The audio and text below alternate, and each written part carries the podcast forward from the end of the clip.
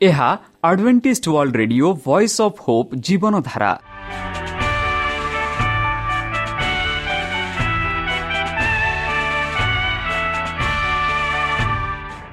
Odia radio କାର୍ଯ୍ୟକ୍ରମ ଯାହା ଆମର ଆନ୍ତର୍ଜାତୀୟ ଆଘାତ କେନ୍ଦ୍ରରୁ ପ୍ରସାରଣ କରାଯାଉଛି ପ୍ରତିଦିନ ରାତି ନଅଟା ତିରିଶ ମିନିଟ୍ରେ। ମୁଁ ସୁବ୍ରତ କୁମାର ପତି ପ୍ରେମର ସହ ଆପଣମାନଙ୍କୁ ଏହି କାର୍ଯ୍ୟକ୍ରମକୁ ସ୍ୱାଗତ କରୁଅଛି। ଚାଲନ୍ତୁ ଆଜିର ତିରିଶ ମିନିଟ୍ର କାର୍ଯ୍ୟକ୍ରମ ବିଷୟରେ ଜାଣିନେବା। ପ୍ରଥମେ ରଖିଛୁ ଆଧ୍ୟାତ୍ମିକ ଭକ୍ତିମୟ ଗୀତ। ଏହାପରେ ଶୁଣିବା ସ୍ୱାସ୍ଥ୍ୟ ବିଷୟରେ ଯାହା ଆମର ଦୈନିକ ଜୀବନରେ ଅତ୍ୟନ୍ତ ଜରୁରୀ। ଆଉ ପରିଶେଷରେ ଶୁଣିବା ପରମେଶ୍ୱରଙ୍କ ଭକ୍ତଙ୍କଠାରୁ ଜୀବନଦାୟକ ଈଶ୍ୱରଙ୍କ ବାକ୍ୟ।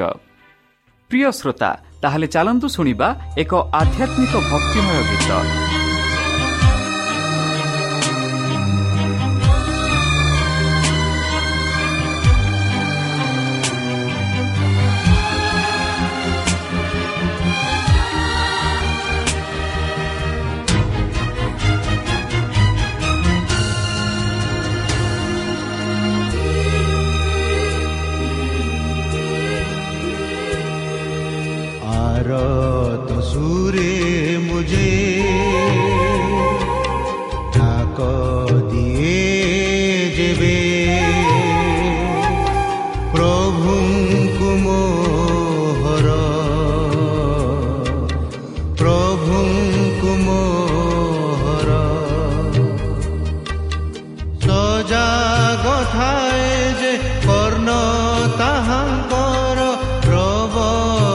You.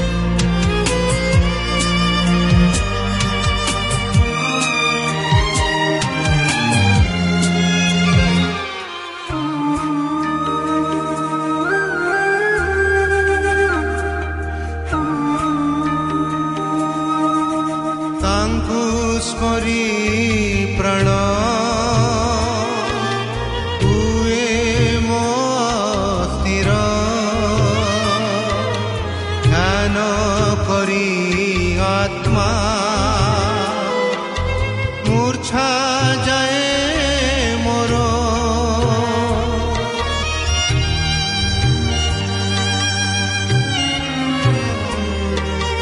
কহি পারে নাহি ମୁଁ ଯେ କଥା କିଛି ରାତି ସାରା ଜାଗି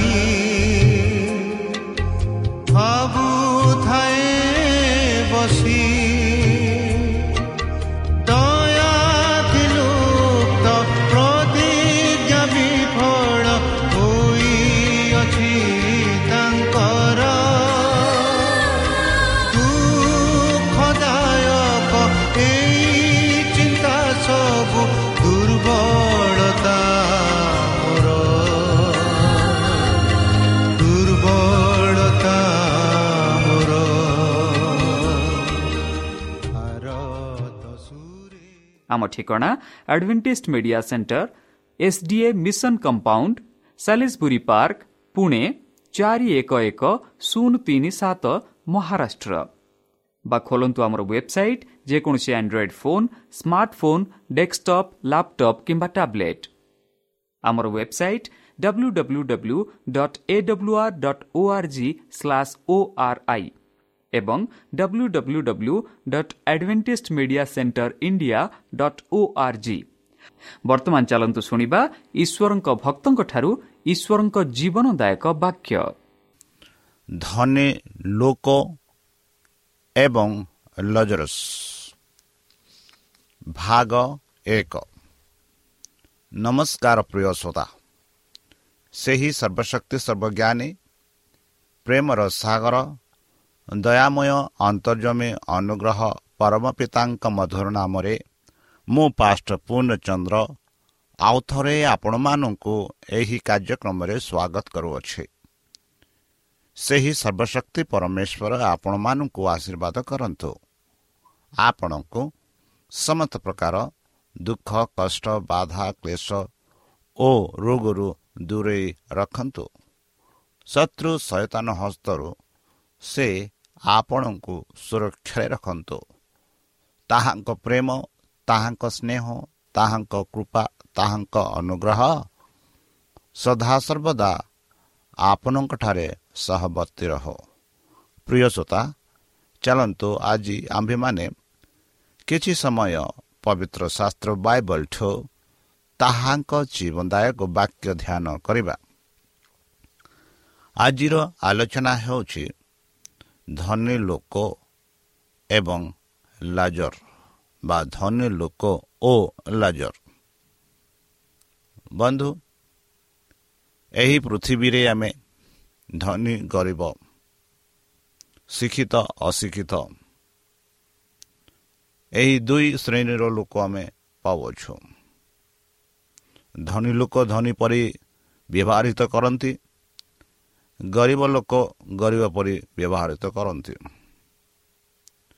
ଆଜିର ଆଧାର ହେଉଛି ବାଇବଲରେ ଯାହା ଆମେ ଲୁକ ଷୋହଳ ଅନିଷ୍ଟ ଏକତିରିଶରେ ପାଉଛୁ ଯାହା ଯୀଶୁଖ୍ରୀଷ୍ଟ ଏହି ଦୃଷ୍ଟାନ୍ତ କହିଥିଲେ ଆପଣ ଆପଣ ଶିଷ୍ୟମାନଙ୍କୁ। ଆଉ ସେହି ଜନସମୂହ ଯେମାନେ ତାଙ୍କ ବାକ୍ୟ ଶୁଣିବା ପାଇଁ ଆସିଥିଲେ ସେମାନଙ୍କୁ ଏହି ଦୃଷ୍ଟାନ୍ତ କହୁଛନ୍ତି। ଧନୀ ଜଣେ ଧନୀ ଲୋକ ଓ ଲାଜର ଯିଏକି ତାଙ୍କ ପାଖରେ ବା ତାଙ୍କ ପାଠକ ପାଖରେ ଥିଲେ। ସେହି ବିଷୟରେ ଆମେ ଆଜି କାଲିକୁ ବିଶେଷ ରୂପେ ଆଲୋଚନା କରିବା। ଚାଲନ୍ତୁ ଆମେ ପଢ଼ିବା ଲୁକ ଷୋହଳ ଅନିଷ୍ଟ ଏକତିରିଶ। ଯୀଶୁ ଏହିପରି ଆରମ୍ଭ କଲେ ଜଣେ ଧନୀ ଲୋକ ଥିଲା। ସେ ବହୁମୂଲ୍ୟ ବସ୍ତ୍ର ପିନ୍ଧି ମହା ଆଡ଼ମ୍ବରରେ ପ୍ରତିଦିନ ଆମୋଦ ପ୍ରମୋଦ କରୁଥିଲା। ବନ୍ଧୁ ଆଜିକାଲି ମଧ୍ୟ ଧନୀ ଲୋକମାନେ ବହୁ ମୂଲ୍ୟବାନ ବସ୍ତ୍ର ପିନ୍ଧନ୍ତି। ସେମାନଙ୍କ କାର୍ ସେମାନଙ୍କ ଗାଡ଼ି ସେମାନଙ୍କ ଆଲୋଚନା ହାଲଚାଲ ସେମାନଙ୍କ ବ୍ୟବହାରିକ ସବୁକିଛି ଭିନ୍ନ ଥାଏ ସବୁକିଛି ଭିନ୍ନ ଥାଏ। ଆଉ ଏହି କାହାଣୀରେ ଆମେ ପାଉଅଛୁ ଜଣେ ଧନୀ ଲୋକ ମଧ୍ୟ ସେହିପରି ଥିଲେ। ସେ ବହୁମୂଲ୍ୟର ବସ୍ତ୍ର ପିନ୍ଧୁଥିଲେ।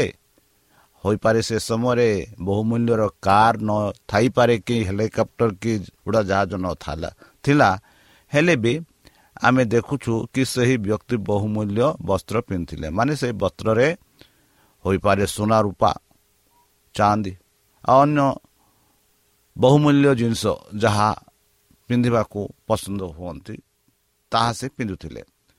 ଆଉ ତାହା ନୁହେଁ ମହା ଆଡ଼ମ୍ବରରେ ପ୍ରତିଦିନ ଆମୋଦ ପ୍ରମୋଦ କରୁଥିଲେ। ଯାହା ଧନୀ ଲୋକମାନେ ପ୍ରତିଦିନେ ମନମୁଗ୍ଧ କରନ୍ତି ସେହିପରି ଏହି ବ୍ୟକ୍ତି ବି କରୁଥିଲେ ବୋଲି ଯୀଶୁଖ୍ରୀଷ୍ଟ ପ୍ରାରମ୍ଭ କଲେ। କିନ୍ତୁ ତାହାର ଫାଟକ ପାଖରେ ଲାଜାର ବୋଲି ଜଣେ ଭିକାରୀ ପଡ଼ି ରହିଥିଲା। ତା ଦେହଯାକ ଘା ଭର୍ତ୍ତି ହୋଇଥିଲା। ବନ୍ଧୁ ଦେଖନ୍ତୁ। ଯୀଶୁଖ୍ରୀଷ୍ଟ ଦୁଇ ଜଣଙ୍କ ବିଷୟରେ କେଡ଼େ ସୁନ୍ଦର ଭାବରେ କହୁଅଛି। ଜଣେ ବ୍ୟକ୍ତି ଯିଏକି ବହୁମୂଲ୍ୟ ବସ୍ତ୍ର ପିନ୍ଧି ଆଡ଼ମ୍ବରେ ପ୍ରତିଦିନ ଆମୋଦ ପ୍ରମୋଦ କରୁଥିଲା ସେହି ବ୍ୟକ୍ତିଙ୍କ ଘର ଫାଟକରେ ଆଉ ଜଣେ ଭିକାରୀ ଥିଲେ। ଆଉ ଭିକାରୀର ଅବସ୍ଥା ଏହିପରିକି ତା ଦେହ ଚାରିପଟେ ଘା ଭର୍ତ୍ତି ହୋଇଥିଲା।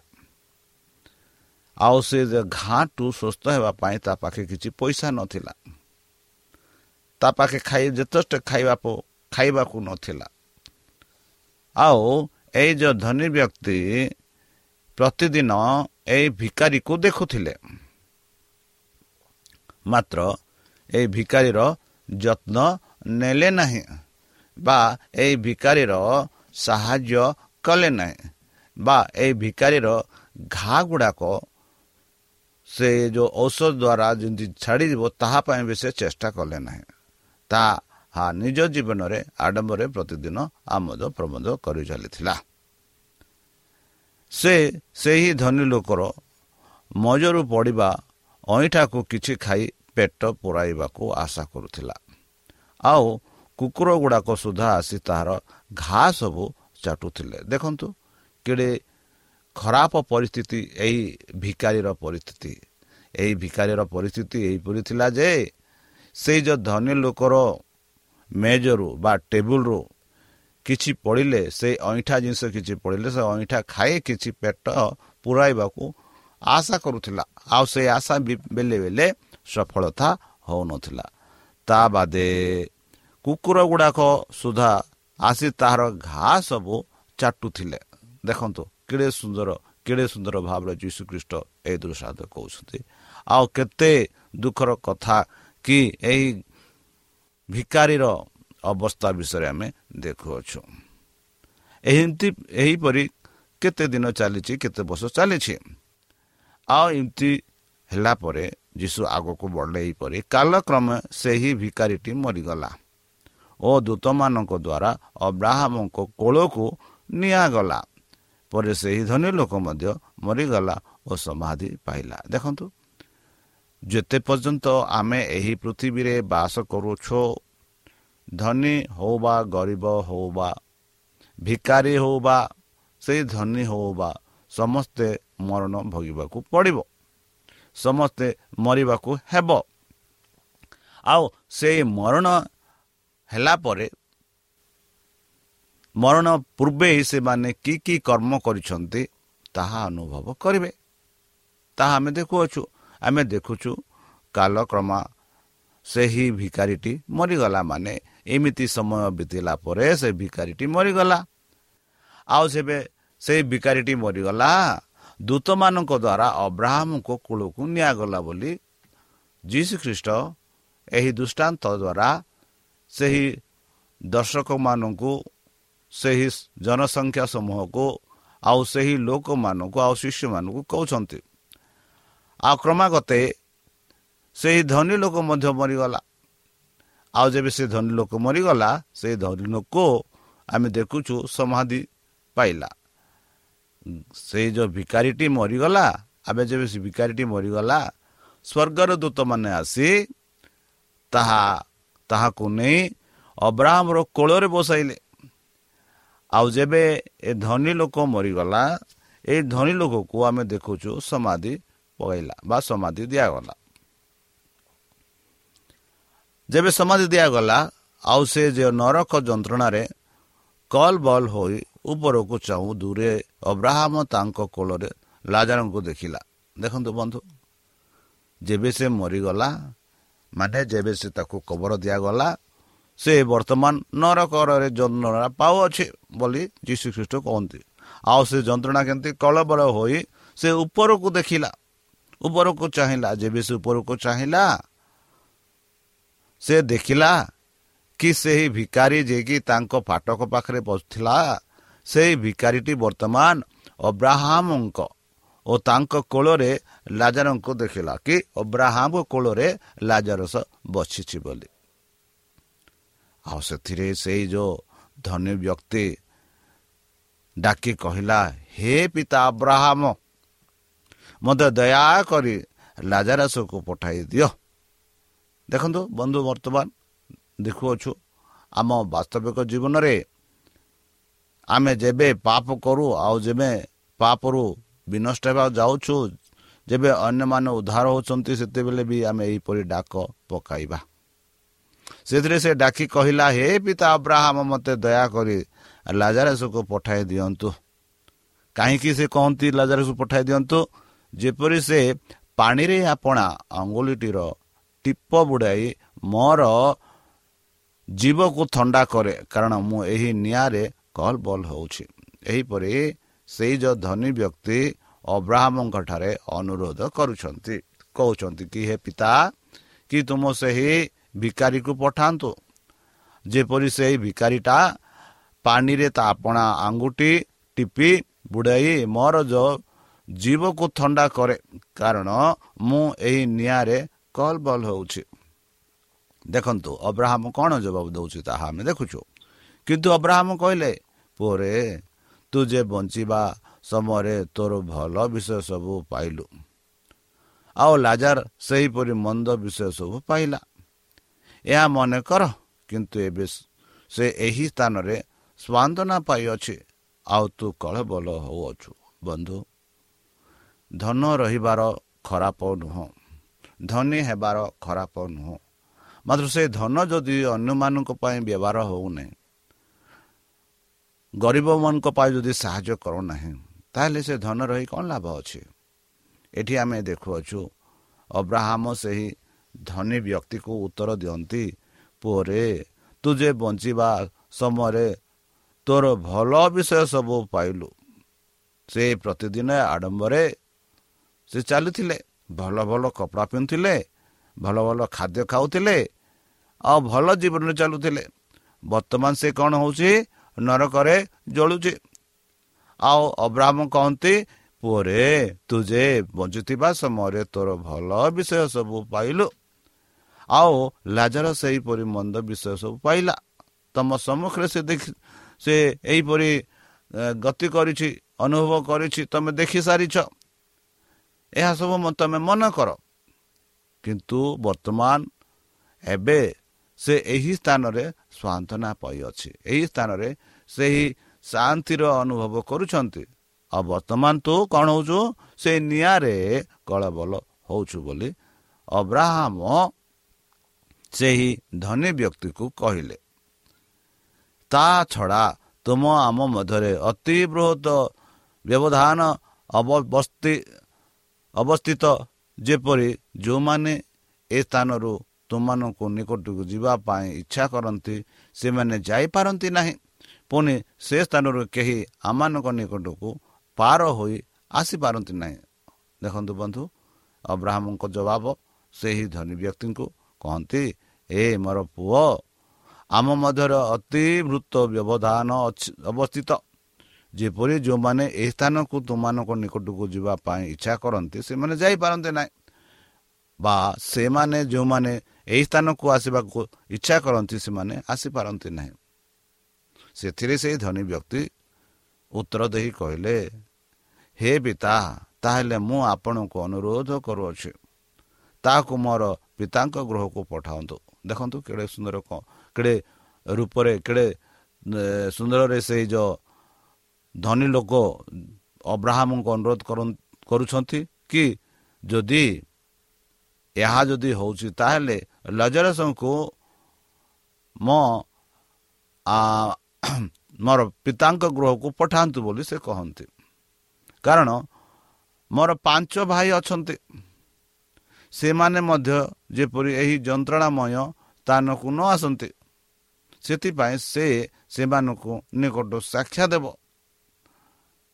କହନ୍ତି ପ୍ରଭୁ ମୋ ପିତା ସେହି ଯେଉଁ ଲେଜରସ୍କୁ ପଠାଅ। ଆଉ ସେ ଲେଜରସ୍ ଯେହେତୁ ମୋର ପିତାଙ୍କ ଘରେ ଆଉ ପାଞ୍ଚ ଭାଇ ଅଛନ୍ତି ଆଉ ଏଇ ପାଞ୍ଚ ଭାଇ ମଧ୍ୟ ମୋ ପରି ଅନୁଭବ ନ କରନ୍ତୁ। ସେଥିଯୋଗୁଁ ଲଜରସ ସେମାନଙ୍କ ପାଖକୁ ପଠାନ୍ତୁ ଯେପରି ସେ ଏକ ସାକ୍ଷାତକାରୀ ହୋଇପାରିବ। ମାତ୍ର ଅବ୍ରାହମ ତାଙ୍କୁ କହିଲେ ସେମାନଙ୍କ ନିକଟରେ ମଉସା ଓ ମାଓବାଦୀମାନଙ୍କ ଧର୍ମଶାସ୍ତ୍ର ଅଛି। ସେମାନେ ସେମାନଙ୍କ କଥା ଶୁଣନ୍ତୁ। ବନ୍ଧୁ ବର୍ତ୍ତମାନ ଯେଉଁ ସମୟରେ ଆମେ ବାସ କରୁଛେ ଆମମାନଙ୍କୁ ପବିତ୍ର ଶାସ୍ତ୍ର ବାଇବଲ ଦିଆଯାଇଛି। ରେଡ଼ିଓ ମାଧ୍ୟମ ଦ୍ୱାରା ଟିଭି ମାଧ୍ୟମ ଦ୍ୱାରା ପ୍ରଚାରଙ୍କ ଦ୍ୱାରା ଈଶ୍ୱରଙ୍କ ବାକ୍ୟ ପ୍ରଚାରିତ କରାଯାଉଅଛି ଆଉ ଈଶ୍ୱରଙ୍କ ବାକ୍ୟକୁ ଯଦି ଆମେ ନ ଗ୍ରହଣ କରି ସାଂସାରିକ ରୂପେ ଚାଲିବା ତାହେଲେ ତାହାର କାରଣ ତାର କାରଣ କିଏ? ଯଦି ସେଇ ବ୍ୟକ୍ତି ଯଦି ମରଣ ଭୋଗୁଛି। ତାର କାରଣ କିଏ? ଯେହେତୁ ପରମେଶ୍ୱରଙ୍କ ବାକ୍ୟ ପ୍ରତ୍ୟେକ ପ୍ରକାର ରେଡ଼ିଓ ମାଧ୍ୟମ ଦ୍ୱାରା ନେଟ୍ ଇଣ୍ଟରନେଟ୍ ଦ୍ୱାରା ଟିଭି ଦ୍ୱାରା ଆଉ ବାଇବଲ ଦ୍ୱାରା ଆଉ ବାଇବଲ ଦ୍ୱାରା ହିଁ ଆମେ ପାଉଅଛୁ। ତାଙ୍କ ବାକ୍ୟ ଆଉ ଏଇସବୁ ଆମଠାରେ ଅଛି। ଯଦି ଆମେ ଏହା ପଢ଼ିବା ନାହିଁ ଦେଖିବା ଶୁଣିବା ନାହିଁ ମାନିବା ନାହିଁ ଆମ ମନ ଇଚ୍ଛାରେ ଚାଲିବା। ଯଦି ଆମେ ଦଣ୍ଡ ପାଇବା ହେଲେ ଆର ଏହାର କାରଣ କିଏ ଆମେ ନିଜେ। ଆମେ ନିଜେ। ଏଥିଯୋଗୁଁ ଅବ୍ରାହ୍ମ କହନ୍ତି ମୋ ପୁଅ ସେ କହନ୍ତି ସେମାନଙ୍କ ନିକଟରେ ମୂଷା ଓ ଭାଦିମାନଙ୍କ ଧର୍ମଶାସ୍ତ୍ର ଅଛି। ସେମାନେ ସେମାନଙ୍କ କଥା ଶୁଣନ୍ତୁ। ଲାଜରା ସେମାନଙ୍କୁ ଯିବାର ଆବଶ୍ୟକ ନାହିଁ। ଯେହେତୁ ସେମାନଙ୍କ ପାଇଁ ଅବ୍ରାହ୍ମ ମଉସା ଅଛନ୍ତି ଭାବବାଦୀମାନେ ଅଛନ୍ତି ଧର୍ମଶାସ୍ତ୍ର ଅଛି ସବୁ ଅଛି। ଆଉ ସେମାନେ ସେମାନଙ୍କୁ ଶୁଣନ୍ତୁ। ଯେବେ ସେମାନେ ଶୁଣିବେ ନିଶ୍ଚିତ ରୂପେ ଲାଜରାଜ ପରି ଏହି ସ୍ୱର୍ଗରାଜକୁ ଆସିବେ ବୋଲି ଅବ୍ରାହମ କହିଲେ। ସେଥିରେ ସେ କହିଲା ହେ ପିତା ଅବ୍ରାହମ ତାହା ଯଥେଷ୍ଟ ନୁହେଁ। ମାତ୍ର ଯଦି ମୃତ୍ୟୁମାନଙ୍କ ପାଖରୁ ଜଣେ ସେମାନଙ୍କ ନିକଟକୁ ଯିବ ତାହେଲେ ସେମାନେ ମନ ପରିବର୍ତ୍ତନ କରିବେ। ଏହିପରି ଧନୀ ଲୋକ କହନ୍ତି ପିତା ଏହା ଯଥେଷ୍ଟ ନୁହେଁ। ଧର୍ମଶାସ୍ତ୍ର ଯଥେଷ୍ଟ ନୁହେଁ। କି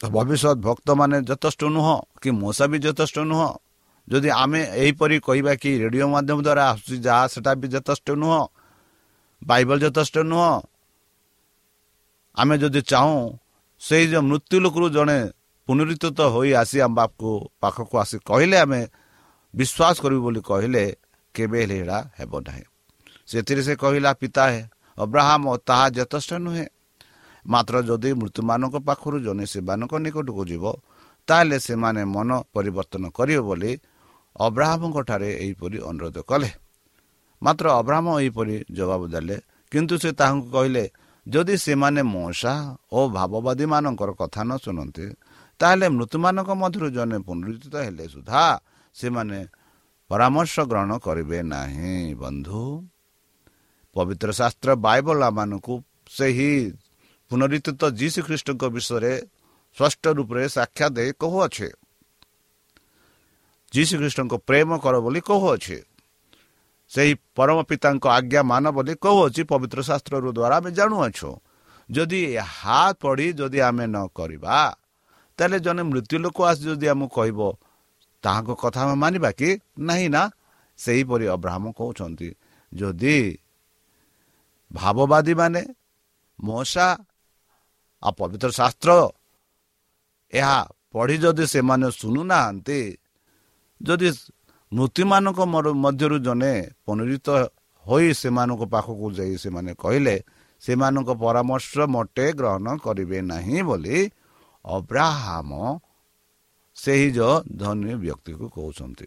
ବନ୍ଧୁ ଯେପରି ଲୁକ ପନ୍ଦର ଦୁଇରେ ଆମେ ଦେଖୁଛୁ ସେଥିରେ ଫାରୁସିମାନେ ଓ ଶାସ୍ତ୍ରୀମାନେ ବଚସା କରୁ କହିଲେ ଏ ଲୋକଟା ପାପୀମାନଙ୍କ ଗ୍ରହଣ କରେ ସେ ସେମାନଙ୍କ ସହିତ ଭୋଜନ କରେ। ଦେଖନ୍ତୁ ଯେବେ ଯୀଶୁ ଖ୍ରୀଷ୍ଟ ଏହି ଦୃଷ୍ଟାନ୍ତ କହିଲେ ଆମେ ବେଲେ ବେଲେ ଫାରୁସିମାନେ ଫାରୁସିମାନେ ଯେପରି ସେହି ସମୟରେ ଥିଲେ ସେହି ସମୟରେ ଛାତ୍ରୀମାନେ ଥିଲେ ସେହିପରି ଆମେ ବର୍ତ୍ତମାନ ବି ବଚସା କରୁ ନିନ୍ଦା କରୁ ଆଉ କହୁ କି ଏଇ ବ୍ୟକ୍ତି ପାପୀମାନଙ୍କ ଠାରେ ବାସ କରୁଛି କଥାବାର୍ତ୍ତା କରୁଛି ନିଚ ଜାତିଙ୍କ ସହିତ କଥାବାର୍ତ୍ତା କରୁଛି ବୋଲି ଆମେ ତାହାଙ୍କ ବିରୁଦ୍ଧରେ କଥା କହିଥାଉ।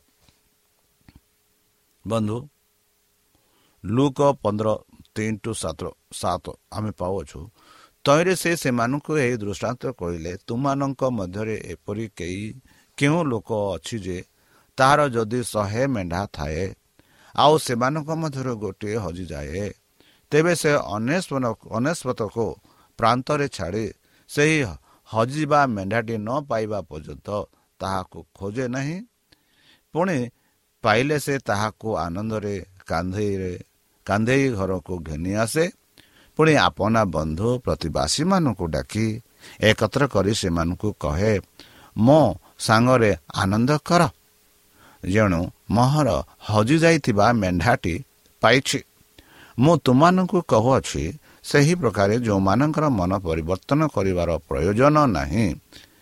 ଏହି ଏପରି ଅନେଶ୍ୱତ ଧାର୍ମିକ ଲୋକମାନଙ୍କ ଅପେକ୍ଷା ଯେ ମନ ପରିବର୍ତ୍ତନ କରେ ଏପରି ଜଣେ ପାପିର ନିମନ୍ତେ ସ୍ୱର୍ଗରେ ଅଧିକ ଆନନ୍ଦ। ବନ୍ଧୁ କେଡ଼େ ସୁନ୍ଦର ଭାବରେ ପବିତ୍ର ଶାସ୍ତ୍ର ବାଇବଲ ଆମମାନଙ୍କୁ କହୁଅଛି। ଯଦି ସେହି ସଦାପ୍ରଭୁ ପରମେଶ୍ୱରଙ୍କଠାରେ ଆମେ ବିଶ୍ୱାସ କରି ତାଙ୍କ ବାକ୍ୟ ମାଣି ଯଦି ଚାଲିବା ନିଶ୍ଚିତ ରୂପେ ସେହି ପରମେଶ୍ୱର ମାନଙ୍କୁ ଆଶୀର୍ବାଦ କରିବ।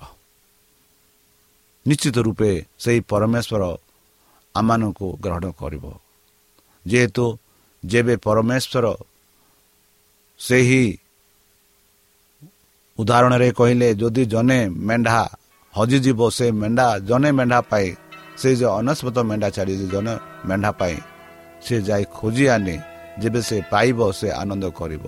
ଆଉ ସେ ଜଣେ ମେଣ୍ଢା ହେଉଛି ଆପଣ ମୁଁ। ସେଇ ଆପଣ ମୋ ପାଇଁ ଯୀଶୁ ଖ୍ରୀଷ୍ଟ ପୃଥିବୀ ସେ ସ୍ୱର୍ଗରାଜ ଛାଡ଼ି ପୃଥିବୀକୁ ଆସିଲେ। ଯେପରିକି ଆମେ ନ ହଜୁ ଆମେ ତାଙ୍କଠାରେ ଏକ ହୋଇ ସେ ସ୍ୱର୍ଗରାଜକୁ ଯାଉ ଏହା ହିଁ ପରମେଶ୍ୱରଙ୍କ ଇଚ୍ଛା। ତାହେଲେ ପ୍ରିୟସତା ଚାଲନ୍ତୁ ସେଇ ଯୀଶୁଖ୍ରୀଷ୍ଟଙ୍କୁ ବିଶ୍ୱାସ କରି ତାହାଙ୍କ ମଧୁର ନାମରେ ଆମେ ପ୍ରାର୍ଥନା ଅର୍ପଣ କରିବା। ହେ ଆମମାନଙ୍କ ସର୍ବଶକ୍ତି ସର୍ବଜ୍ଞାନୀ ପ୍ରେମର ସାଗର ଦୟାମୟ ଆନ୍ତର୍ଜବୀ ଅନୁଗ୍ରହ ପରମ ପିତା। ଧନ୍ୟବାଦ ଅର୍ପଣ କରୁଛୁ ପ୍ରଭୁ ବର୍ତ୍ତମାନ ଯେଉଁ ବାକ୍ୟ ତୁମ ଭକ୍ତମାନଙ୍କୁ ଶୁଣାଇଲେ ସେହି ବାକ୍ୟ ଅନୁସାରେ ଏମାନଙ୍କୁ ଚାଲିବା ପାଇଁ ବୁଦ୍ଧିରେ ଜ୍ଞାନରେ ଶକ୍ତିରେ ପରିପୂର୍ଣ୍ଣ କର। ଆମ ପାପ ସବୁ ତୁମ ସେହି ବହୁମୂଲ୍ୟ ରକ୍ତରେ ପରିଷ୍କାର ରୂପେ ଧୋଇଦିଅ।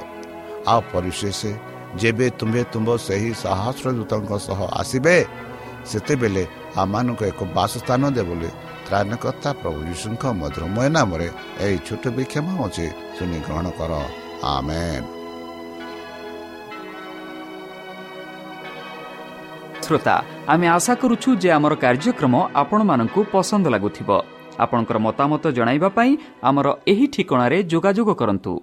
ଆମ ଠିକଣା Adventist media centre SDA mission compound Salisbury park Pune ଚାରି ଏକ ଏକ ଶୂନ ତିନି ସାତ ମହାରାଷ୍ଟ୍ର।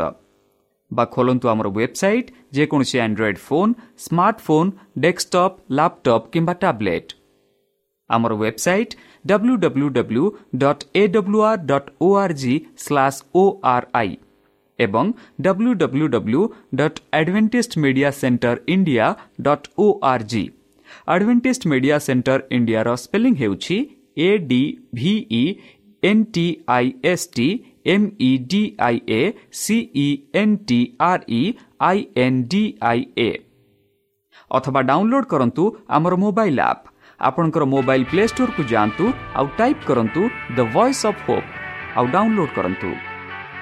ଈଶ୍ୱର ଆପଣଙ୍କୁ ଆଶୀର୍ବାଦ କରନ୍ତୁ। ଧନ୍ୟବାଦ।